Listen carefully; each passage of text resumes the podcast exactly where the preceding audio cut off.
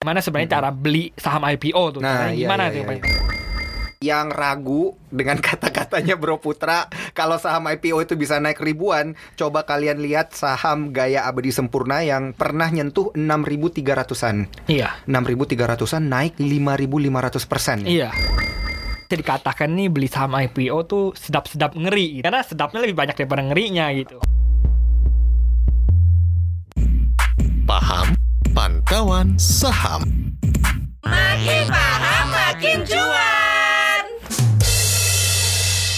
Cuan, ini adalah bagian off air atau bagian rahasia yang nggak rahasia-rahasia amat kalau kalian dengerin podcast kita ya setiap hari Senin di jam 7 malam di Spotify Cuap Cuap Cuan. Nah, gue seperti biasa ada gue Daniel Wiguna dan rekan sakti gue Triputra. tim riset CNBC Indonesia kita akan bahas pertanyaan-pertanyaan tadi yang udah dimasukin dan udah kita kumpulin di sesi on air kita menarik. Tapi kita akan mulai ya dari tema kita hari Senin ini di episode kedua paham. Pantauan saham semakin paham semakin Cuan. cuan. Itulah yang diinginkan semua orang dan sobat cuan ya. Jadi kalau anda sudah mendengarkan cuap-cuap cuan dan menjadi cuan anda adalah sobat cuan. Begitu ya. Kalau kalau dengerin cuan cuan masih rugi belum jadi sobat cuan dong. berarti salah gitu ya. Berarti salah gitu mungkin tradingnya salah investnya salah dengernya kali ngeles nih ngeles supaya nggak salah kan ya sobat cuan. Oke nah jadi gini kita temanya adalah bagaimana caranya memanfaatkan bukan memanfaatkan ya ini bagaimana caranya kita itu bisa Pokoknya- memahami rahasia cuan ratusan bahkan kalau kata Bro Putra ini cuannya bisa ribuan persen dari Iya. saham-saham yang IPO utamanya yang IPO di tahun 2020 gitu ya Iya. Bro ya Yang 2020 udah lewat jadi kita memandang gimana di 2021 ini. Nah di Wow. 2021 ini katanya pipeline IPO ini perusahaan-perusahaan yang udah mengantri IPO ini ada 20 perusahaan seperti itu. Mm. Ini lu ngomong suaranya makin lama makin kecil gue kayak makin deg-degan gitu. Lu mau ngomong apa ini? Ada yang- rahasia ada yang perlu rahasia ini dirahasiakan seperti itu. Oke, ada yang harus dirahasiakan ya. Jadi Bro Putra ini akan memberikan forecasting juga ya, tidak hanya di saham-saham yang sudah IPO di tahun 2020, tapi 2021 nanti seperti apa dan mungkin ada stock picknya gitu atau clue-cluenya kali ya. yang kalau nggak ketahuan di sini bisa dicari, bisa dibaca di CNBC Indonesia karena Bro Putra ini juga menulis begitu ya, melakukan riset dan dipublish di cnbcindonesia.com. Jangan lupa untuk dengerin Instagram live kita begitu ya setiap hari Senin jam 15.30 karena kita akan tentunya mengumpulkan banyak pertanyaan di jam 15.30 itu untuk kita bahas di sesi off air kita Setiap ini Senin ya, catat. setiap Senin bareng Bro Putra. Nah, kita akan bahas tema kita hari ini terkait dengan cuan ratusan hingga ribuan persen. Rahasianya seperti apa sih ini? Sebenarnya ini Bro, gue juga pengen nih cuan dari saham-saham IPO ke mana nih? Kita harus melihat kalau sebelum kita bahas yang 2021, yang 2020 dulu deh. Ini gimana sih pandangannya? Ya ini sebenarnya saham IPO itu memang terkenal ya dari dulu suka digoreng lah istilahnya suka dinaikin kencang banget. Jadi kalau saham listing harga 100, 200 Mm-mm. tiba-tiba naik ke 10 ribu, 20 ribu tuh Mm-mm. ada yang terjadi seperti itu gitu. Ada kejadian seperti itu. Pernah Harga terjadi banyak gitu? sekali bukan cuma oke. pernah. Saham harga ratusan lalu terbang ke sampai belasan ribu, puluhan ribu bahkan. Oke. Nah, untuk yang tahun ini itu tuh ada mungkin sobat-sobat cuan sendiri tahu ya saham Soho itu melesat kencang banget itu saham Mm-mm. Soho kan. Soho itu Soho Global Health ya kalau nggak Iya, salah yang- nama perusahaannya Salah bergerak di satunya- bidang obat-obatan Iya, gitu salah ya. satu produknya kan imbus ya kalau Nah, sobat cuan tahu. ya. oh, yang biasa masuk iklan TV Iya, gitu ya. supaya seger badannya gitu biar kena corona. Oke oke oke. Amin ya moga-moga nggak kena corona sehat-sehat selalu. Nah gimana tuh kalau yang saham Soho itu? Ini kan Nah, kalau kita saham- lihat sempat sampai ke 16.000 ribu loh ini. Iya sampai Bro Putra. 16.300 padahal listingnya di harga 1.800 1.800 ya kalau nggak salah. Gila 1800 sampai ke 16.000 itu udah berapa ribu persen udah Iya, udah berapa udah bukan- ratus. Oh itu masih ratusan ya. Iya. Oh ini ini yang versi ratusan Versi ya. ratusan Sobat ini. cuan ya. Itu ada Soho, ada siapa lagi? Lalu untuk yang tahun-tahun sebelumnya tuh ada gin, apa S-list ya. Mm-mm. Apa sepeda listrik Oh, Swiss.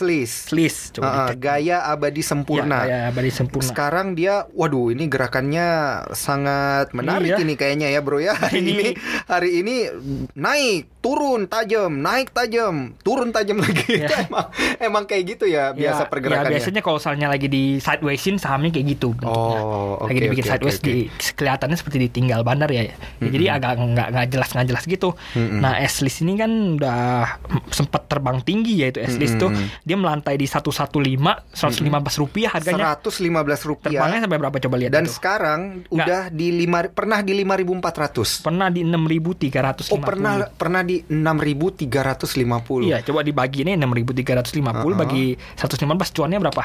Waduh berapa tuh? Coba coba deh. Belum- belum ready kalkulator gua. 5.521 persen. 5.521 persen. Iya. Jadi ya intinya gini sobat cuan ya, yang ragu dengan kata-katanya Bro Putra kalau saham IPO itu bisa naik ribuan, coba kalian lihat saham Gaya Abadi Sempurna yang pernah nyentuh 6.300-an. Iya. 6.300-an naik 5.500 persen. Iya. Buset, itu yang beli di harga 6.300 siapa ya bro? Nasibnya kayak gimana ya sekarang udah nggak tahu. Karena sahamnya turun ya sekarang ada di 4.870 Masih tinggi sebenarnya 4.800 Masih tinggi. Kalau dibandingin dengan harga IPO-nya seratusan ya, 100 Iya, 115. 115 buset. Nah, Bayangin.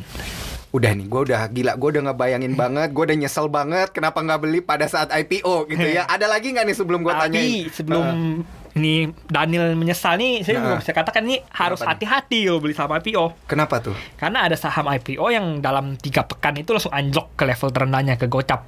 Loh, jadi dia IPO di harga atas, Iya. setelah tiga minggu dia ke Langsung gocap. gocap, gitu, Waduh. pecah rekor. Yang mana ini bro? Nah, Yang nama sahamnya ini? tuh Bapi, Bakti Bapi. Agung Propertindo. Waduh ada resikonya juga Iya, ya pasti ternyata ada ya. Bakti resikonya. Agung Propertindo. Berarti otomatis bergerak di bidang properti Iya, gitu ya. pasti. Wah buset, ini sampai menyentuh level terbawah. Ini kayaknya level supportnya udah kesabaran ini bro. Seberapa sabar lu ngelihat saham ini terkoreksi dari harga pernah ke harga 141 rupiah ya itu di lima tahun yang lalu di bulan Oktober. Ya jadi ini pada hari pertama tuh melesat ini cuma bentar doang langsung anjlok. Hari pertama IPO langsung anjlok. Hari pertama IPO Iya. langsung anjlok. Lalu Ini- dalam 14 hari perdagangan aja langsung ke gocap. Coba lu bayangin. dan sampai sekarang dia Sampai ini sekarang kan kalau nggak salah pergerakan awalnya di bulan-bulan Oktober gitu ya September Ya, Oktober baru IPO. 2019 Ya. eh, baru IPO Langsung anjlok. langsung anjlok iya sih Iya. kalau sobat cuan ini ngelihat grafiknya ya dalam rentang satu atau tiga tahun aja itu udah kayak gimana ya kayak eh, apa sih kalau di rumah sakit itu detak jantungnya rata gitu ya Iya. tapi ya moga-moga nanti ada momentum ya momentum bullish untuk saham-saham gocap seperti ini ya Ya, jadi dan sebenarnya- bisa naik lagi gitu Sebenarnya ya. bisa dikatakan nih beli saham IPO tuh sedap-sedap ngeri gitu. Eh, iya sih kalau ngelihat dari. Gana kan ngeri-ngeri sedap. Kalau ini sedap-sedap ngeri karena sedapnya lebih banyak daripada ngerinya gitu. Oke. Yang korban oke. bakal tiba-tiba anjlok parah gini kayak Bapi, Enzo tiba-tiba nge- ngegocap itu lebih sedikit lah daripada jumlah yang tiba-tiba terbang seperti itu. Oke Enzo ya. Enzo, Enzo juga- itu Morenzo Abadi yang- Perkasa. Ini Sekarang ke 51 dia, Bro. Wow, Ya. ada pergerakan udah, udah hidup setidaknya ya. Ini ceritanya juga sama sama dengan Bapi dia ketika, ketika habis apa habis IPO dia ARB berapa 5 6 7 8 9 kali berturut-turut. Tapi syukurnya kan sekarang ARB cuma 7% jadi jadi dia bisa ARB berkali-kali nggak parah gitu. Iya iya, kelihatannya nggak parah, tapi kalau ujung-ujungnya ke gocap ya Iya. parah juga ya, Bro. Nah, apa sih yang terjadi sebenarnya itu? Nah, Pasti ini sobat cuan pengen tahu. kita bahas dulu ya gimana sebenarnya cara beli saham IPO tuh Nah, Caranya iya, gimana iya, tuh yang iya, paling iya. penting Heeh. gue mau Gimana? gabung gue mau cuan ratusan ribuan persen gimana sih caranya Mm-mm. nah yang Supaya pertama sedap-sedapnya dulu nih. sedap-sedapnya dulu nah yang Oke. pertama itu tuh kita tahu tuh banyak ada miskonsepsi ya orang suka ngomong antri sama IPO antri sama IPO biasanya mereka ke pergi antrinya tuh di Gue pernah tuh ngikut ngantri tapi nggak dapet bro. Gue nggak tahu juga gimana cara Ya, udah ngantri loh jelas ini loh. gitu. Iya iya. Kalau ngantri IPO itu kemungkinan besar pasti dapat. Oke. Gitu. Nah, pertama yang kesalahan-kesalahan para newbie itu tuh mereka pergi ke Gue sekuritas. Oke. Nah, salah itu sebenarnya nggak boleh ke Oke. sekuritas. Salah Harus ke. BAE, Biro Administrasi Efek. Oke. Jadi antri beli itu ke BAE. Ini Biro- antri literary ngantri gitu. Iya, sebenarnya ada yang ngantri, ada yang kagak ngantri, ada yang biasanya sistemnya udah semua udah canggih, udah online, lu tinggal input-input di HP, kirim duit, langsung approve gitu. Hmm. Jadi mereka, lu ke BAE, lu harus ambil form namanya form F- FPPS for- formulir pemesanan saham gitu. Mm-mm. Lu beli apa lu lu ambil terus lu lu isi. Jadi lu mau beli berapa? Lu mau beli berapa lot 10 juta atau 10 juta misalnya lu hitung berapa berapa lembar gitu. Nanti di sana berarti udah dikasih tahu dong ya dia itu harga eh, harga IPO-nya berapa ya, di harganya pasar udah berapa perdana. ya, harganya berapa. Ah, terus kita mau beli berapa lot Iya, gitu. tinggal beli berapa lot. Nah, Nah, ada triknya nggak nih supaya kita nulisnya berapa gitu? Harus nggak sih kita nulis banyak-banyak sengaja gitu nah kan? ini nanti akan saya bahas juga Ya, ya, itu. oke oke oke. Nah ini kalau mau mesan ini sebenarnya ada teknik-tekniknya nanti saya akan. Bahas lagi. Yang pertama itu saya selesaiin dulu ini gimana Iya, iya. Prosedurnya, Prosedurnya lah gitu. ke BAE Nah, kita tadi ambil formulir ambil formulir FPPS. ya, lalu isi formulirnya. Heeh. Biasanya diperlukan nama, KTP, Hmm. sama rekening efek lu, nomor rekening efek lu. Jadi- NPWP juga berarti ya. NPWP nggak perlu. Oh, NPWP nggak perlu, nama sama KTP doang sama nomor rekening efek lu gitu. Hmm. Jadi nanti bisa mereka bisa tahu mau transfer sahamnya ke rekening efek yang mana gitu. Oh, oke. Nah, jadi setelah lu udah terima, lu udah isi itu semua lu bawa ke bank yang ditunjuk. Mm-mm. Sebenarnya sih nggak perlu bank yang ditunjuk tapi supaya lebih hemat ya misalnya lu transfer antar bank kena biaya lagi gitu. Mm-mm. Jadi kalau mau lebih murah ya langsung ke bank yang tunjuk lu store uang. Oke. Nah, lu store uang dah nanti dikasih lu konfirmasi pengiriman nah lu bawa balik ke ke BAE-nya. Oh, bolak-balik. Tapi kalau transfer duitnya online bisa dong sekarang? Biasanya itu nggak diizinkan transfer online. Oh, harus bener-bener Iya harus ke banknya gitu. Buset, jadi kalau misalnya mesennya sampai 1M, 1M fisik nih Ya, duitnya nih. ya makanya salah satunya bisa kalau takut ya dikirim gitu. Oh, bisa dikirim dari bank oke. lain gitu. Iya, Tapi iya, kalau iya, lu iya. kirim juga lu harus kirim dari misal lu di Mandiri mau kirim ke PCA. Iya. Nah, lu harus ke Mandirinya gitu, nggak bisa lu Ah, ah, transfer HP. Oh. Harus ada bukti fisiknya seperti itu. Oke, oke, oke. Harus ada bukti fisiknya lah ya intinya. misalnya Oke. biasa lu online nggak ada bukti fisiknya, jadi biasanya susah gitu lah. Ah, ah, Walaupun kadang-kadang ada yang bisa, tapi mayoritas itu nggak bisa. Oke. Gitu, nah. Dan sampai sekarang di era pandemi ini caranya masih kayak gitu, Bro. Ya caranya masih sama kurang lebih seperti itu. Oke, oke. Walaupun sekarang udah lebih banyak yang online ya, lebih banyak yang online, jadi lu nggak perlu nggak perlu datang ambil FPPS gitu. Lu tinggal langsung bisa pencet di HP mau berapa, langsung lu bisa transfer gitu. Jadi datang ke BAE-nya sekali doang. Hmm. Kalau dulu harus datang sekali, pertama ngambil FPPS, Iya. terus ke bank, ke bank balik terus ke balik BAE lagi. gitu. Iya, iya. Oke. Berarti sebenarnya sesederhana itu dan nanti kita tunggu nih apakah kita dapat sahamnya apa enggak gitu Iya, kan ya nah sisa ini- menunggu. Nah, ini, ini menunggunya yang gue nggak suka nih. Gimana nih? Ini menariknya lagi ini pembagiannya. Heeh. Jadi misalnya lu mayoritasnya gue ngomong mayoritas, Iya. misalnya lu masuk 100 juta, Hmm. itu lu tuh cuma dikasih kecil banget. Mhm. Bisa cuma dikasih 0,04 persen. Oke. Gitu, jadi cuman- kita mes dari 100 juta yang kita pesen Hah? kita cuma dapat 0 komanya doang. Iya 0,0 doang. Kadang-kadang cuma Oke. 400 ribu, 500 ribu gitu. Lu mas mesen 100 juta nih atau mesen 50 juta, cuma dapat 400 atau 500 ribu. Sengaja ya. Ya memang sengaja itu. kayak gitu. Nah ini, Heeh. ini saya lupa bilang ya. Ini tuh ada dua sistem ya. Iya. Pertama ini pooling, satu fix. Oke. Yang tadi saya bicarakan ini pooling. Oke. Karena fix itu biasanya tertutup buat retail. Oke. Nah nanti saya akan bahas lagi ada ada rahasia-rahasia fix, Uh, fix juga gitu. Oke. Nah jadi ini yang pooling lanjutin nih ternyata apa memang dikasihnya tuh dikit Mm-mm. gitu. Jadi ada yang bahkan cuma dikasih satu lot gitu. Jadi lu Gila, pesen udah, berapapun udah capek-capek ngantri ya, bolak-balik lu pesen berapapun tuh dikasih satu lot. Nah jadi Oke. p- apa metode pembagian itu ada macam-macam. Ada satu tuh dibagi rata semua sama. Hmm. Jadi rat, misalnya dibagi rata semua dapat 21 lot. Misalnya kayak gitu. Oh. Jadi lu mau masukin 5 mau masukin 500 ribu, lu masukin 1 juta, lu masukin 100 juta, lu masukin 1 M, semua dikasih 21 lot sama dia. Kalau lu mesen di atas 21 lot ya tentunya. Kalau Iya, lu iya, mesen iya, di bawah dapatnya yang sesuai pesanan lu gitu. Heeh. Nah, kalau soalnya kayak gini berarti yang mesen gede rugi dong gitu. Iya, Kan? rugi Jadi ini kadang-kadang tuh ada ada dilema juga ya. Heeh. Ada kadang-kadang tuh dikasih persenan. 0,5 persen, 0,6 persen gitu. Jadi semakin banyak lu masukin uang, semakin untung gitu. Oh gitu. Jadi ini masalah seberapa gede kita bisa menjaminkan uang dulu karena otomatis kan kita dapatnya nggak mungkin sebanyak itu nih. Iya, iya. Jadi semakin banyak kita naruh Iya. duitnya, Ya. ada kemungkinan Ya, ya ada probabilitas kita dapat lebih saham gede. lebih banyak gitu ya. Dan Oke, biasanya kalau soalnya udah diterbitin ini kamu dapat berapa, harus kembali lagi ke banknya lagi malesnya. Oh, Ngurus lagi ini itunya buat returnnya kan, dan itu harus kan. fisik tuh harus datang Fisik juga harus Nggak datang ya gitu. online. Jadi biasanya ini yang suka ngantri-ngantri IPO ini pensiunan. Oh gitu. Iya, kakek, kakek, nenek, nenek. Wah, ini uzur, memberikan saya ide ya. 50.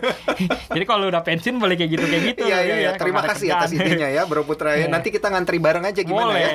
Mereka juga sebelum sebenarnya sambil sambil ngantri ngobrol-ngobrol gitu. Jadi la- Uh-uh. sebenarnya lama ngobrolnya gitu. Oh iya, iya, Antrinya mah benar cepet gitu, tapi Iya, ngobrolnya iya, yang iya. lama ngomongin ini, Iya, ngomongin iya. itu gitu. Gue kalau waktu public expose itu sering sih ngelihat Iya, gitu. yang kakek-kakek, nenek-nenek kan. nenek-nenek yang udah tua tapi wow tapi megangnya akun saham bro gila ngeri. Ya, biasanya- levelnya beda Tapi biasanya kayak gitu tuh bukan akun sahamnya isinya nggak banyak. Oh. Isinya cuma satu lot satu lot doang gitu. oh iya iya iya Ini iya, iya. biasa investor-investor tengil gitu ya. Mereka Uh-uh. ke RUPS cuma buat numpang makan. itu oh ini oh gue pernah dengar Nah, nih pernah dengar kan? gue pernah dengar nih ada satu fenomena kayak piring gini. itu beneran kayak gitu beneran ada itu jadi satu Oh. piring mereka isi banyak makanan gitu terus Oh my mereka God, udah iya. ngobrol-ngobrol oh saya punya semua saham ini satu lot satu lot yang bakal RUPS deket-deket ini tuh saham ini ini ini Iya, iya, iya, oh iya. saham apa ASI ini RUPS-nya terkenal enak udangnya gede gitu ya buset sampai biasanya kayak gitu Oke sobat cuan ini kita tidak hanya ngomongin tentang cuannya ya, tapi ini adalah Gosipnya salah satu gitu. iya isunya ke- biasanya ada kecenderungan kayak gitu Iya, gitu ya. kayak gitu. Dan emang- apa yang terjadi pada saat mekanisme IPO gitu ya. ya selain IPO juga RUPS ini kan karena emang ini kan Tapi tapi ngomong-ngomong bener sih bro, kan gue juga waktu itu bertugas di bursa tuh ya, Iya. waktu dia IPO. Nah kita jadi gosip ini. itu emang sih tiap kali habis IPO kan pasti ada selamatan, Ah, makan-makan gitu kan. Ya enak sih emang makanannya bro. Oke. Ya selain Oke. makanan enak juga biasa ada souvenir gitu. Iya, iya, Kayak iya, Pegas iya, ada biasanya ngasih power bank. Iya, iya, Lalu iya. ada yang ngasih payung, ada yang ngasih Iya, iya, iya. tas atau Wah, apa gitu. Jadi biasanya jadi kolektor mereka Iya, gitu. iya. lanjut lanjut Banyak lanjut. koleksi gue di bursa. Oke oke oke, sombong aja nih ceritanya ya. Oke, nah Jadi terus ya, kita lanjut. Eh, ada- itu tadi sistem pooling. Iya, ya, ini ya, makanya tadi pembagian itu ada dua ya. Mm-mm. Ada yang memang dibagi semuanya, ada yang semua dikasih rata, ada yang semua Mm-mm. dikasih satu lot gitu. Jadi biasanya terserah sekuritas PE-nya, penjamin Oke, efeknya itu mau iya, baginya iya. gimana sistemnya. Dan biasanya itu ini satu persen maksimal untuk pooling, Satu persen maksimal untuk pooling. Eh, minimal satu persen, Oke. minimal satu persen. Jadi Yang dibagi rata.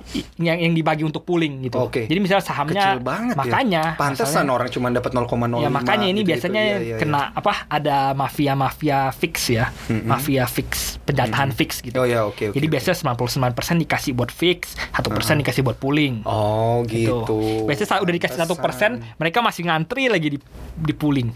Oke, udah satu persen pun. Cuma dikasih satu persen terus si mereka ikut market nga- makernya iya, ikut ngantri. ikut ngantri Waduh. juga dan nga- ikut ngantri pakai uang gede gitu. Gila, Jadi mereka bisa bilang, oh ini karena uang gede saya kasih lebih banyak. Jadi yang lain akhirnya cuma dikasih satu satu satu. Si market maker ini- dikasih gede gitu. Ini mengingatkan gue nih sama eh, PSA-nya CNBC Indonesia. Jangan pernah meremehkan kecilnya nilai sebuah mata uang gitu ya. ini yang satu persen aja pengen diembat nih sama market maker yang gede ya. Ganas banget makanya emang. Iya, iya, ini iya, iya. mafia-mafia emang gitu. Nah, ini fix ini kalau masalah tentang fix ini seperti udah saya, saya bilang ini rata-rata tuh yang bisa masuk itu emang cuman market maker doang ya. Ah, rata-rata cuman market maker doang yang di 99% itu. Tapi untuk market maker itu udah pasti 99%, nggak pernah cuman 90% gitu atau 80. Biasanya kalau mereka emang mau goreng saham, mereka harus kuasai sebanyak mungkin saham yang beredar dong kan. Oh. Jadi mereka kuasai sebanyak mungkin gimana pun cari 99% ya udah satu persen saya kasih buat retail. Iya. Tapi, tapi biasanya kalau market maker kere dari fix juga mereka mau bagiin ke orang, mau bagiin ke retail. Oh, nah, gimana oke. cara buat bagiin ke retail? Mereka tawarin ke retail, tapi di lock sahamnya, jadi dikunci. Caranya gimana? Ya, tuh? ya Emang bisa, diatur, bisa, bisa diatur. Jadi lu nggak boleh jual ini saham selama enam bulan, selama tiga bulan. Nah, jadi biar nggak memberatkan market maker ini juga gitu. Misalnya dia, Oke. dia mau, misalnya dia mau kuasai 99% kan modalnya harus gede dong. Mm-mm. Misalnya dia nilai IPO-nya 200 m, nah, dia harus keluarin paling nggak 199 m, Iya, iya. 198 m, dia harus keluarin uang Untuk segitu. menguasai 99%. Untuk meng- Iya benar. Tapi biasanya kalau mereka pikir ah gue cuma punya duit 100 m, ya udah akhirnya 98 m mereka distribusi ke retail dengan cara ditawarkan harus di lock gitu. Oh saya kasih kamu gede tapi lu harus lock gitu. Hmm. Nah jadi kalau misalnya udah ditawarin gitu, mending kabur aja deh kalau ditanya tawarin saham IPO tapi di lock, mending kabur aja. Karena potensi ngerinya lebih gede Iya, daripada benar. sedapnya. Iya benar sekali itu Oke. karena biasanya hari-hari pertama terbang terbang terbang kan lu seneng wah terbang terbang, lu nggak bisa jualan buat apa? Iya, iya, Ini iya, ketika iya. periode lock lu udah habis udah dibanting ke gocap, rugi lu udah gitu. Inilah Kemungkinan sedap gede gitu. sedap yang semu ya. Cuman awal-awal Iya, doang cuman naik, dia naik, naik, terbang. Mau Ya, jual kok nggak bisa. gitu. Iya nggak bisa jual dan di locknya tiga bulan pula ya. Biasanya ada tiga, ada yang satu, ada yang dua, tergantung market makernya mau distribusi kapan gitu. Buset. Oke, inilah bagian ngerinya. Dan Yang bagian- apakah ini yang terjadi di se- Enzo, Bapi, begitu gitu ya. Nah ini yang menariknya kalau Enzo dan Bapi ini tuh bukan ceritanya bukan seperti itu. Mm-mm. Di Enzo dan Bapi ini eh, di Bapi lah contohnya itu retail dikasih banyak proporsinya ketika IPO di pooling. Jadi ini harus dihindari juga ya sama orang-orang ya. Nah Bapi itu tuh ternyata tuh di pooling tuh dikasih banyak buat retail seperti itu. Jadi kalau nggak salah itu dulu sampai dikasih 15% Mm-mm. untuk retail gitu. Jadi dibagiin 15% retail. Jadi kalau masuk 100 juta dapat 15 juta gitu. Wah, Artinya langsung didistribusi ketika pooling itu juga buset, Gitu. langsung didistribusi sama retailnya. sama bandar sama pemiliknya gitu karena ini nggak ada yang mau bandarin gitu Heeh. akhirnya langsung dikasih aja ke retail Oh, inilah yang terjadi ternyata sama saham-saham yang tidak ada pegangan market maker gitu iya ya. bukan tidak ada pergerakan market masih ma- market maker nggak gitu niat buat ngegoreng ini saham gitu Hmm. ada market maker ngambil lumayan gede tapi hari pertama langsung dia jual gitu langsung didistribusiin Oh, so that's a bad sign ya. Kalau misalnya kita tahu nih ada IPO perusahaan misalnya eh, A perusahaan AAB gitu misalnya Hmm. kan. Terus tiba-tiba waktu dia IPO itu kita ngelihat market maker yang menjadi penjamin efeknya dia itu jualan. Nah, kalau hari pertama udah jual tuh udah, udah seram. Apalagi ketika lu udah ikut pooling, lu Hmm. dapat gede 15%, 20%, 50%, udah hampir pasti harganya bakal anjlok. Hmm. Bahkan ini Bapi ini dulu ceritanya itu ada apa rencananya bakal dibagiin full ke orang. Hmm. Gitu. Jadi misal lu masuk 100 juta bakal dia 100 juta sama dia. Buset. Nah, sampai waktu itu tuh ada yang masuk 2M katanya sampai pingsan masuk rumah sakit. Gara-gara waktu Gara-gara gara-gara berita di IPO, pasarnya itu uh-huh. bakal dikasih full gitu. Iya iya. Mungkin duit minjem atau apa sampai pingsan dia gitu. Gila, sampai dikasih full Waduh. artinya bakal anjlok gitu. Waduh, waduh ngeri juga Makanya, ya. Dia minjem dan ternyata bener-bener dikasih 100% Rumornya gitu ya. begitu gitu. Biasanya kan kalau lu du- 2M kan dikasih 0,05% lumayan lah gitu. Bisa cuan agak lumayan gitu. Iya bener bener bener bener. Nah berarti sobat cuan ini harus hati-hati ya kalau Iya. ketika mau beli saham IPO ternyata bener-bener dikasih lebih dari porsi yang seharusnya yang satu persen itu. Iya justru makanya harus hati-hati harus ya. hati-hatinya itu di mana nggak boleh terlalu rakus juga. Oh, gue masuk gede ya 20 m mungkin Iya, iya, nggak bakal dikasih full eh gitu, nggak Iya. bakal dikasih full. Karena orang Ternyata cuma mikirin full. cuannya Iya, doang ya. benar. Mm, Lupa mikirin safety switch-nya. Iya, benar. Gitu. Oke oke oke oke. Nah berarti kan eh, kalau misal kita beli di pasar primer dan kita dapatnya itu kecil kayak yang lu bilang tuh. Hmm, di bro, pasar 0, perdana, iya. eh, pasar Dapet. perdananya 0,05 0 apa itu cukup tenang lah ya. Iya, yang penting pas- yang penting kemungkinan besar udah bakal naik gitu. Ah, kemungkinan besar dia memang naik walaupun kita dapat dikit ya udah kita beli nanti di pasar sekunder aja lanjut belinya ya, gitu kan. ya justru apa kalau udah dapat di pasar perdana kalau misalnya digorengnya jelek ya nggak usah ikut gitu Mm-mm. mending lu udah udah punya barang Mm-mm. misalnya walaupun cuma dikatakan 300 500 ribu ya udah lu untung misalnya naiknya dua tiga kali lipat untung satu juta untung 500 ribu ya udah Ya syukuri udahlah, gitu ah, bersyukur aja jangan ya nggak mungkin juga kalau duitnya itu nggak gede tapi berharap balik sampai berapa berapa ratus persen gitu ya tapi Iya. adalah ya orang yang bisa dapetin itu Ya, salah, salah satu itu S list itu memang kadang-kadang ada yang untung memang cuma 500 ribu, ada yang cuma 200 ribu, ada yang satu juta. Tapi kadang-kadang kalau hoki lu bisa sampai untung sampai jutaan, sampai belasan juta, sampai 20-an juta. Hmm. Kayak yang S list itu kalau nggak salah tuh dikasih sekitar 200 atau 300 ribu. Mm-mm. Tapi kalau udah naik sampai 5000 persen tuh kalau dikaliin kan juga belasan juta sampai puluhan Iya, juta ya berarti buset. kan.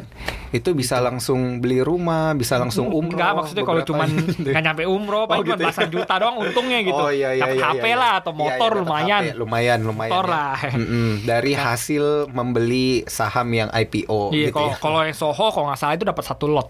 Hmm. Oh, Ya. Soho dapat satu Dapat lot satu ya. lot. Tapi kalau ngikut sampai ke 6.500 Ya lumayan itu, juga kan naik iya 10 lipat 6.300 buset. 1600 kan 1 juta, 1 juta ya, benar iya, sih? 100 iya, ribu iya. itu.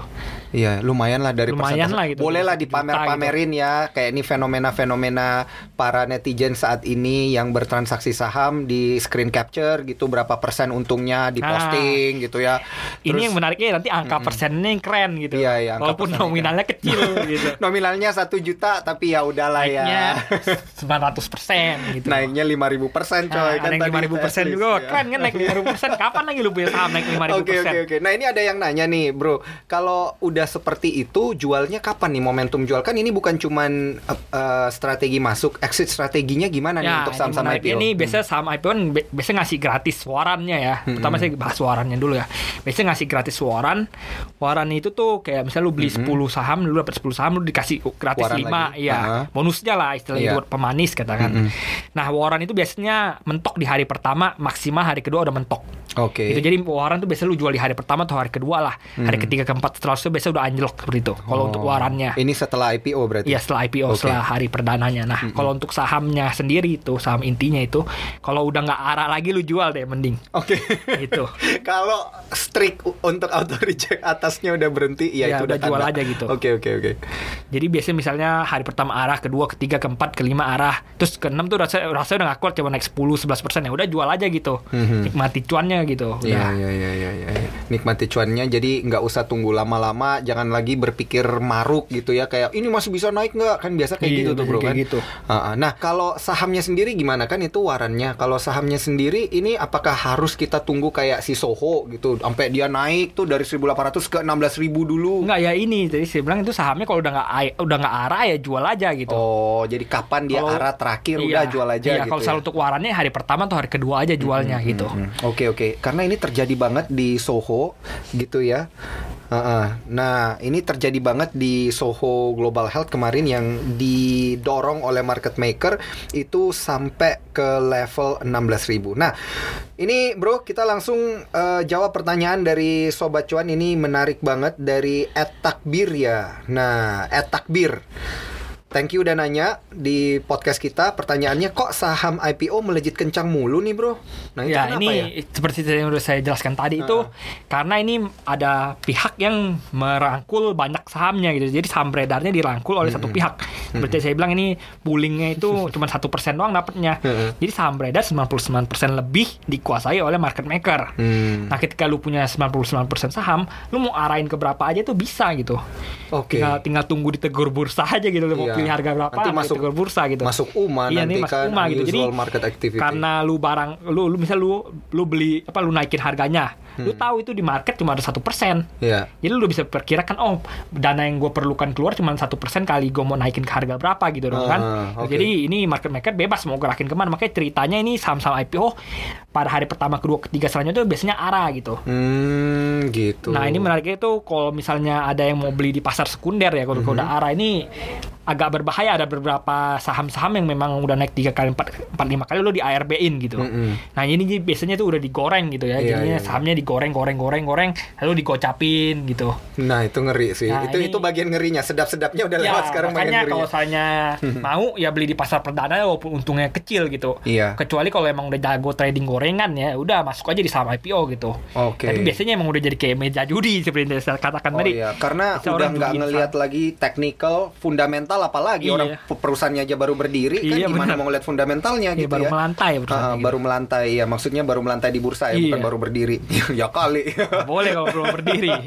Oke oke. Nah, bro, ini kan kalau eh, tadi kita lihat sempat lu bilang ini IPO ini adalah bisnis gitu ya Iya. di tahun 2020. Bisnis IPO ini tetap jalan. Jumlahnya pun juga nggak jauh beda Iya. dari 2019. Apa sih yang menarik dari bisnis IPO ini? Ya ini bisnis IPO ya sebenarnya satu tuh win-win-win semua ya. Biasanya yang lulus cuma retail doang. gitu. Yang Perusahaannya win. bagian ngerinya iya. ya. Perusahaannya win dapat duit dong, dapat dana mau ekspansi kayak mau apa kayak dapat uang. Hmm. Dapat uang masih rugi. Hmm. Gitu. Untung ini dong. bursa juga untung dapat biaya pencatatan, biaya Iya. transaksinya makin gede, terus market cap-nya juga makin gede, market cap bursanya IHSG-nya makin gede. Lalu misalnya ada perusahaan efeknya juga untung, Iya. ada fee-nya kan dia terima fee. Lalu dari perusahaan auditnya juga untung, perusahaan hukumnya juga untung. Mhm. Lalu market makernya yang mau nampung barang juga untung kan kalau dijual Semuanya kalau win, suksesnya ya, semuanya win. Pasti ada yang lose dong. Iya. Lose-nya dari mana ya? Dari Retail. retail-retail yang kejebak seperti itu. Oke. Nah, ketika ya salah satunya yang, yang makanya yang low risk itu ketika lu beli saham waktu IPO dengan jumlah kecil-kecil aja gitu. Mm-mm. Nah, lo- risk lu kecil. Nah, ketika dia udah naik, udah melantai lalu digoreng-goreng-goreng, risk lu naik, resiko lu naik untuk merugi gitu. Mm-mm. Nah, ini yang menarik lagi salah satunya itu kemarin itu justru ini ketika saham itu nggak ada yang mau bandarin. Iya. Kemarin itu ada ada IPO namanya Nara Hotel, akhirnya gagal Mhm. karena ini si Nara ini dia ngasih 100% buat pooling. Nah, ini gue inget nih. Ya, Waktu itu pas banget gue tugas di bursa, tiba-tiba IPO-nya dia diundur awalnya. Diundur. Akhirnya di- sekarang itu dibatalkan, kan? Akhirnya dibatalin karena rumor beredar bahwa ada beberapa investor retail itu yang dapetin hampir 100%. Iya. Gitu. Yang kayak lu bilang tadi 100%, tiba-tiba ya, makanya. 100%. Waduh, justru ngeri Makanya ya. kalau Armstrong kayak ini gitu ya. kalau misalnya mereka mereka bilang mereka bilang kan oh ini kalau 100% bakal anjlok kan. Lalu dari pihak perusahaannya bilang wah lu siapa lu nggak ada yang tahu market mau ke mana gitu kan. Iya, iya. Nah tapi kan kita ngomong secara statistically speaking ya, emang kalau retail-retail dapat 100 semuanya kan pasti hari pertama ingin keluar dong takut kan. Takut. Iya pasti ah, kemungkinan besar ya masih anjlok gitu. Waduh, gue juga begitu di info lu dapat 100% misalnya atau 70%, waduh deg-degan juga gue. Iya waktu yang bapi aja katanya sampai masuk Iya, rumah iya. sakit gitu. Iya iya iya iya karena beneran duitnya keserap semua iya, di sana. Serap semua. Salah satunya ya memang berarti nggak ada market makernya dong, nggak ada yang mau nampung. Iya, iya, iya, gitu. iya. Dia ngomongnya sih ingin Market membasmi mafia, makernya. mafia, mafia fix kan, gitu kan. Berarti kalau kebetulan kita dapat 100%, ya market makernya siapa? Lu gitu.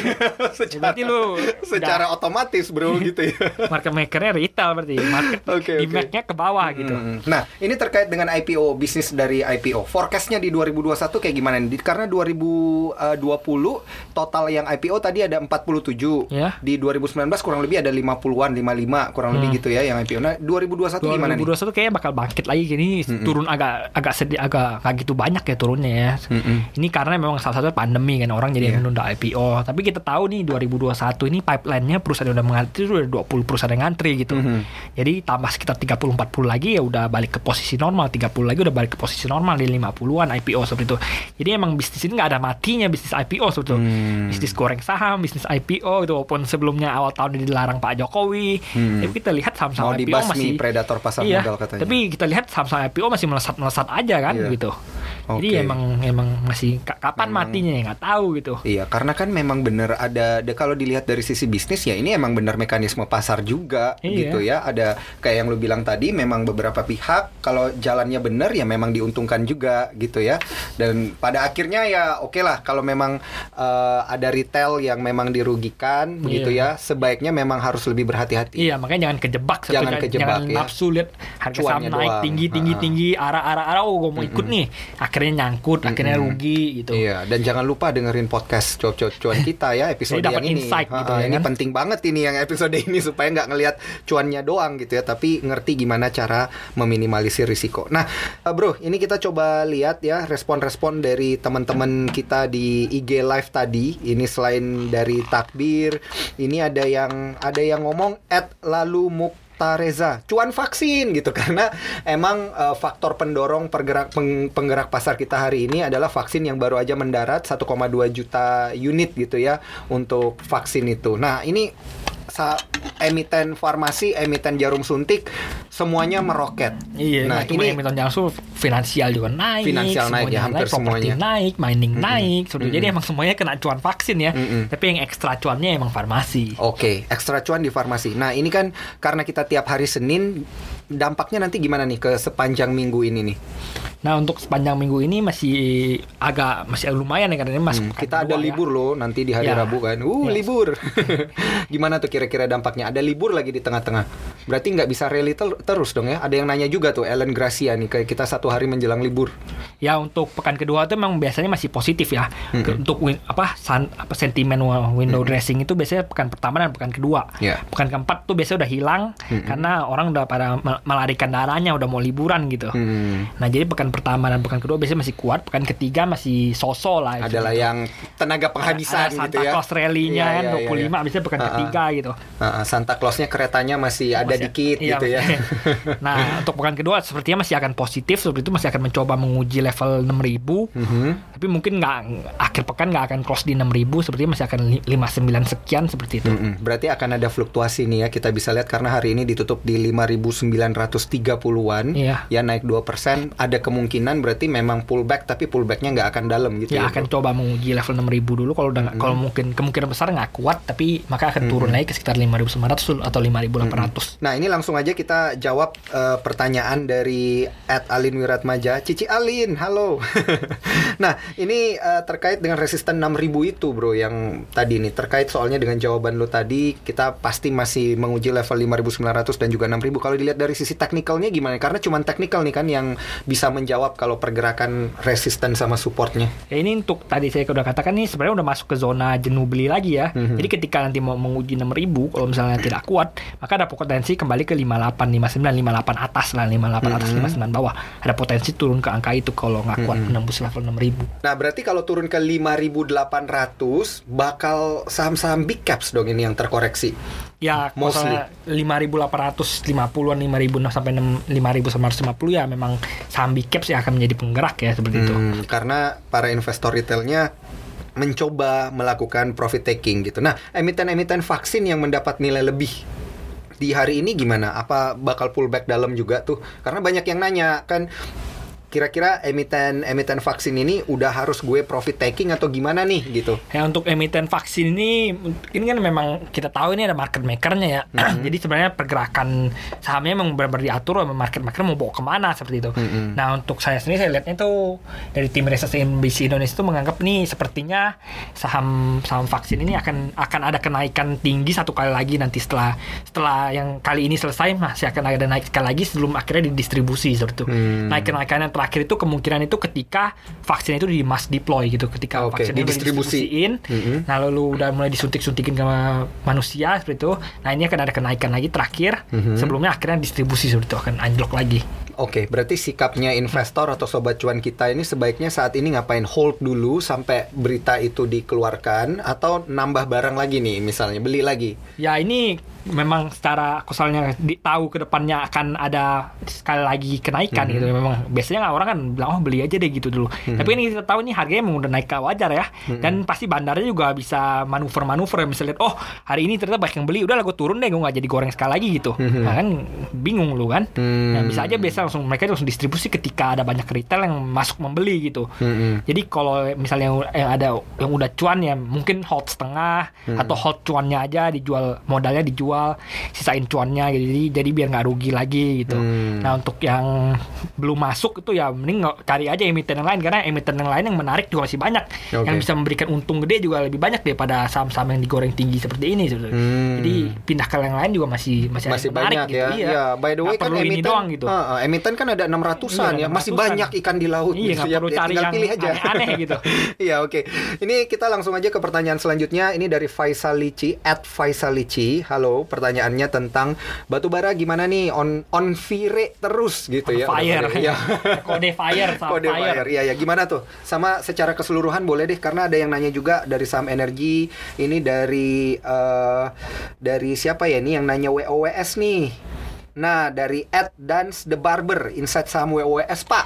Ya ini saya bahas fire dulu ya. Ini Iya. fire kan emang dulu itu melantai juga di harga 500 kalau nggak salah itu fire.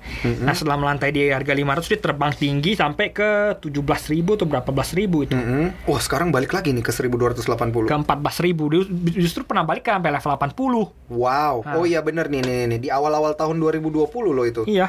Nah jadi ini sahamnya tuh dulu terbang terbang terbang tinggi. Sampai 11.775. Ya, ini. Ah, ah. sampai, sampai Ah, ah. lebih dari 11.000 malah sampai sempat 14.000. Oh, oke. Nah di 14 itu biasanya di kalau nah saham ini yang tadi saya bahas juga ini menarik ini saham IPO juga ini belum lama IPO 2018. Oke. Nah ini biasanya saham-saham IPO tuh ada apa ada kepentingan bandarnya gitu. Bandarnya Oke. mau ngapain gitu pertama. Mm-mm. Market makernya. Ya, market iya. mereka mau ngapain? Ada pertama itu memang mau distribusin ke retail Hmm. gitu. Jadi ketika IPO didistribusin ke retail langsung Iya. digoreng goreng goreng goreng naik turun naik turun naik turun gocap. Ah. Itu artinya saham mau didistribusin ke retail. Ini lu ngomongnya nyeremin banget bro. Goreng-goreng-goreng gocap. Iya, gitu makanya Kalau biasanya kayak gitu Gue kan. gue deg-degan karena gue ngebayangin kalau gue ada di dalam sana. itu. Ya contohnya itu saham Untungnya enggak ya kita nggak Iya. boleh bertransaksi guys. Iya, Terus ini sebagai disclaimer ulang lagi ya kalau ah, ah. kita seba saya ya sebagai tim riset CNBC Indonesia tuh nggak boleh trading saham gitu. Kalau kalaupun mau investasi harus di declare dulu. Jadi portofolio ini apa Terbuka saya ini sifatnya, declare iya. ke, ke company gitu. Oh ini portofolio saya ini ini. Jadi kalau ada tulisan mengenai perusahaan-perusahaan itu harus dihandle orang lain gitu. nggak boleh saya yang handle. Karena nanti ada conflict of interest seperti itu. Iya iya iya. iya. Berarti Nah, kita jadi- sifatnya netral. Iya, sebenarnya sifatnya netral cuma ngasih tahu nih ini ini ini ini gitu. Iya. Nah jadi ini saham, eh, tadi saya udah katakan satu emang mau didistribusi ke retail, jadi digoreng goreng goreng goreng goreng, dikocapin lalu udah selesai didistribusi artinya. Waduh, ini Nah. 89. Ya, terus terus. Saham-saham lain itu ada yang fungsinya emang mau direpoin gitu, jadi sasarannya itu bukan di retail. Oh, oke. Nah saham-saham yang mau direpoin itu salah satunya emang fire gitu. Hmm. Nah, jadi gimana cara dia repoin tuh dia misalnya dia udah kumpulin sahamnya 99% kan, digoreng naik terus sampai tinggi harga 500 itu bisa jadi 20 ribu jadi 50 ribu. Hmm. Jadi di puncak itu dijual ke perusahaan. Perusahaan mana aja. Oh. Mau Dapen ke, Iya, mau iya, iya. Karena MI. itu dijadiin dasar buat menghitung valuasi ya dari harga sahamnya jadi dia. misalnya harga 50 ribu atau 20 ribu, 30 ribu nanti dibilang oh nih saya jual kamu 15 ribu saya repoin. Repo Iya, itu kan iya, gadai iya. saham Iya, ya. iya, iya. Saya Ah, ngutang deh ini saya kasih saya Iya. apa saya ngutang saya kasih jaminan saham. Heeh. Misalnya harga 30 ribu ya udah 10 ribu aja gitu. Saya jual kasih kamu. 10 ribu. Padahal modalnya cuma 500, cuma Iya, 200 iya, gitu. iya. Nah di repoin ya udah. Biasanya ya udah direpoin biasanya perusahaan yang mau ya udah biasanya dikasih bunga gede atau emang ada deal-deal di bawah Hmm. tangannya atau gimana atau dijual ke itu apa reksadana Hmm. dijual ke MI dijual ke perusahaan Dapen seperti itu jadi perusahaan-perusahaan yang investasi Oke. ya dijual-jualin ke direpoin ke sana Heeh. nah setelah direpoin itu akhirnya sahamnya anjlok Hmm. apa dibikin anjlok gitu nah dibikin anjlok dibikin gagal bayar reponya seperti itu Wah, gila. Ini Jadi emang- ternyata bigger picture-nya itu ke arah sana Iya, ya. jadi se- selain ada saham IPO yang mau didistribusi ke retail, ada saham IPO yang emang direpoin juga gitu. Oh, Nah, kalau oke. mau lihat saham-saham yang banyak direpo tuh biasanya cek di transaksi negonya. Kalau banyak transaksi nego dengan jumlah-jumlah gede yang fantastis, biasanya sahamnya direpoin. Oh, Ah. oke di di gimana ditunda pembayarannya? Oh, yang kayak tadi yang lu bilang Iya, ya, jadi- dipakai untuk berutang Ah. gitu ya. Nih, jadi ada potensi lah saham itu direpoin itu. Jadi bukan harus emang Iya, iya, ada iya. transaksi gede ada harus naik apa harus Iya, harus karena repo itu- gitu ada iya, potensi yang mungkin benar. direpoin. gitu. Kalau gue pebisnis itu salah satu mekanisme yang mudah untuk gue lakukan Hmm. gitu ya. Kemudian pasti untuk apa interest atau taxnya, pajaknya atau mungkin yang gue harus bayar itu kalau misalnya gue mau minjem uang kan, Hmm. berarti lebih kecil kan bisa dapat dana dengan uh, nilai yang lebih murah Iya gitu. intinya lu Ah. cuma modal kecil lu bisa repoin saham Iya, iya, saham iya, apa iya. aja ya nggak cuma Ah, ah, ngomong cuma fire ya. Iya, iya, logika- Saham A, B, C gitu, gitu, ya iya. direpoin udah akhirnya dianjlokin gitu. Iya, iya. Nah biasanya setelah dianjlokin itu kalau dia masih ada sisa barang digoreng-goreng-goreng lagi buat didistribusin ke retail. Oke. Kalau dia ada sisa barang gitu. Itulah yang terjadi sama emiten ini. Ya bisa jadi. Bisa jadi Nah, ya. Kita nggak bisa Ah. mengatakan emiten Iya, ini iya, ada ini iya, ada iya. itu, tapi ada bisa jadi ada kemungkinan ini yang terjadi gitu. Heeh, heeh. Oh, kalau ngelihat pergerakannya udah seperti ini. Karena ini fantastis banget, Bro. Ya makanya udah pernah sempat turun. ke 14 ribu, pernah ke 89, bahkan pernah ke gocap. Sekarang balik lagi Nggak, ke nggak nyampe gocap sih dia. 1280. Oh, 89 Jadi ya. 89 paling rendah lalu akhirnya tidur naik lagi di jadi dibikin menarik lagi seperti itu. Hmm, gitu. Oke. Nah, untuk eh, mungkin ini untuk sobat cuan eh, mengetahui view sepanjang pekan ini. Ya tadi kan udah dilihat secara sektoral, secara IHSG-nya nanti seperti apa. Nah, ini sobat cuan ini sebaiknya itu standby atau mungkin keep an eye sama emiten-emiten yang mana ini sebaiknya? Untuk window Sepanjang pekan ini. Sepanjang Ya, pekan ini berarti untuk window window dressing. dressing yang Iya. menarik biasanya window dressing itu finansial pasti. Hmm. Jadi finansial masih ada potensi menguat. Salah satu yang menarik itu BNI ya karena kita tahu Mhm. finansial BNI yang paling murah. Ya. Big Bang, Big Bang itu BNI paling murah masih. Hmm. Walaupun secara per, secara pendapatan rendah karena kita tahu di kuartal ketiga ini pencadangannya tinggi gitu. Hmm. Biasanya pencadangan tinggi itu karena manajemen misalnya nih bukan cuma BNI, misal manajemen baru ganti manajemen, biasanya untuk banking kan untuk banking mau dibikin rugi, perusahaan mau dibikin rugi kan gampang. Hmm. Tinggal naikin pencadangan gitu. Oke. Jadi ada potensi misalnya, jadi misalnya ketika ada manajemen baru naik lalu di kuartal 4 di, di kuartal sebelumnya jelek, lalu di kuartal barunya bagus, nah, jadi manajemennya kan bisa berbangga gitu kan. Hmm. Wah ini saya berhasil meningkatkan kinerja perusahaan segini segini segini seperti itu. Jadi Hmm. BNI walaupun merugi itu masih menarik. Walaupun dia merugi masih menarik. Tapi disclaimer ya, kita tidak mewajibkan rekan-rekan untuk membeli ya. Ini hanya masukan-masukan aja dari Iya. uh, fakta-fakta dan data-data pasar yang sudah dipublikasikan dan bisa kalian baca nanti di cnbcindonesia.com. Nah, uh, mungkin ada ini dua dua lagi deh gitu ya. Ini karena udah nanya tentang uh, per emiten ya dari Ed Susi Herwanto. Bevin gimana nih? Gitu ya. Ini bonus nih buat yang nama yang nanya sat- satuan nih sahamnya nih. Ini Bevin ini juga terpantau anjlok ya hari ini lumayan Mm-hmm. anjlok seperti itu. Nah untuk ARB nih. Tapi ki- Bevin ini menariknya volumenya naik ya. Mhm. Kita lihat baru beberapa hari ini volumenya naik, naik, naik seperti itu. Jadi masih ada ketika kalau lu pakai teknik tap reading ya, namanya tap Iya. reading itu kalau lihat volume, Mhm. volume ada kenaikan berarti ada potensi saham ini untuk kembali di untuk naik ya gitu. Untuk, iya. Karena udah, udah Kembali sebelumnya tidak menarik kan. Iya. Itu Ah. volume gede kan ada ada sesuatu Ah, gitu. ah. Ada- Kembali ada yang menarik. lagi dia, iya. Ada, ada kemungkinan menarik gitu. Jadi Mhm. walaupun kalau misalnya ketika ini kembali apa volumenya kembali naik terus volume kencang lagi ini menarik seperti itu Hmm. udah beberapa hari nih saya lihat nih Oke. volume naik gitu Oke, jadi level-level berapa nih yang perlu diperhatiin? Apakah ada karena kan volumenya naik di belakangan. Hmm. Kalau kita lihat sepekan ini bagus nggak sih kalau kita akumulasi?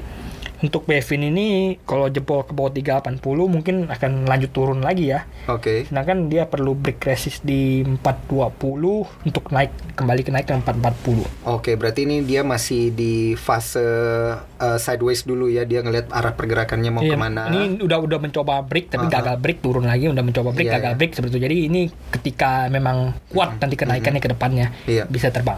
level 420 yang perlu diperhatikan. Oke, ini satu pertanyaan terakhir dari at Chelsea underscore Livico INKP dan Tekim besok gimana? gimana nih? Bang Putra gimana? Pertanyaannya ya suka kayak gitu besok Iya. gimana? Besok Iya, naik iya. nih, besok bisa lanjut Ya udah ini gitu. dikasih bonus sama Putra, dikasih view sepanjang pekan ini deh. Ya untuk INKP dulu gitu lah, kayak INKP, INKP sama Tekim hari ini mirip-mirip ya kenaikannya ya. Mm-mm. Jadi shadow atasnya panjang gitu. Jadi Oke, udah mencoba iya. naik, tapi nggak kuat agak turun lagi seperti itu. Mhm. Tapi bodinya juga agak gede, jadi Mm-mm. potensi Berarti namanya apa tuh? Uh, shooting star. Enggak, kalau shooting star kan berarti so, so, shadow-nya doang panjang gitu. Mhm, Jadi ini oke. memang mm, artinya walaupun tadi mencoba naik tapi gagal naik seperti itu. Mhm. Nah, jadi ini walaupun begitu ini ada potensi kalau IHSG-nya hijau besok Mhm. ada potensi untuk kembali lanjut naik seperti itu. Oke, itu yang INKP ya. Ya, INKP dan Tekim kayaknya sama. Biasanya Ah, dua itu sama ya. geraknya barengan lah gitu. Indah Kiat Pulp and Paper dan uh, perusahaan pabrik Ciwi Kimia ya kalau nggak salah ya. Tekim. Dua-duanya pabrik Oke. Sinarmas. Nah, dua-duanya pabrik Sinarmas Kertas. di pabrik kertas dan waktu awal-awal gue ingat tiba-tiba awal-awal di pandemi justru mereka naik gitu ya Iya. orang bingung kenapa naik ta- karena ternyata mereka memproduksi toilet paper guys. Iya, salah satunya itu dan salah satunya dia diu- diuntungkan karena dia rupiahnya melemah melemah melemah terus dia, dia diuntungkan Iya gitu. iya hebat Karena hebat dia ya. ekspor ekspor ekspor ekspor rupiah melemah untung Hmm, gitu. Salah satu pencipta devisa berarti kan kalau ekspor kan nanti dana hasil ekspornya harus balik nih ke Iya. Indonesia kan. Oke deh sobat cuan kalau gitu semuanya udah dijawab oleh Putra ya. Terima kasih banget buat sobat cuan yang udah eh, memberikan pertanyaan. Terima kasih juga buat Bro Putra ini atas insight-insight menarik. Rahasia di balik cuan ratusan hingga ribuan persen saham-saham IPO ya. Moga-moga nanti banyak banget eh, peluang di 2021 ini forecastnya kata Putra akan ada beberapa perusahaan yang sudah dalam pipeline untuk melakukan IPO ya. Moga-moga bisa dapet dan bisa diamalkan teknik-tekniknya ya. Jangan lupa isi formulir FPPS jangan lupa ke BAE gitu ya. Ya.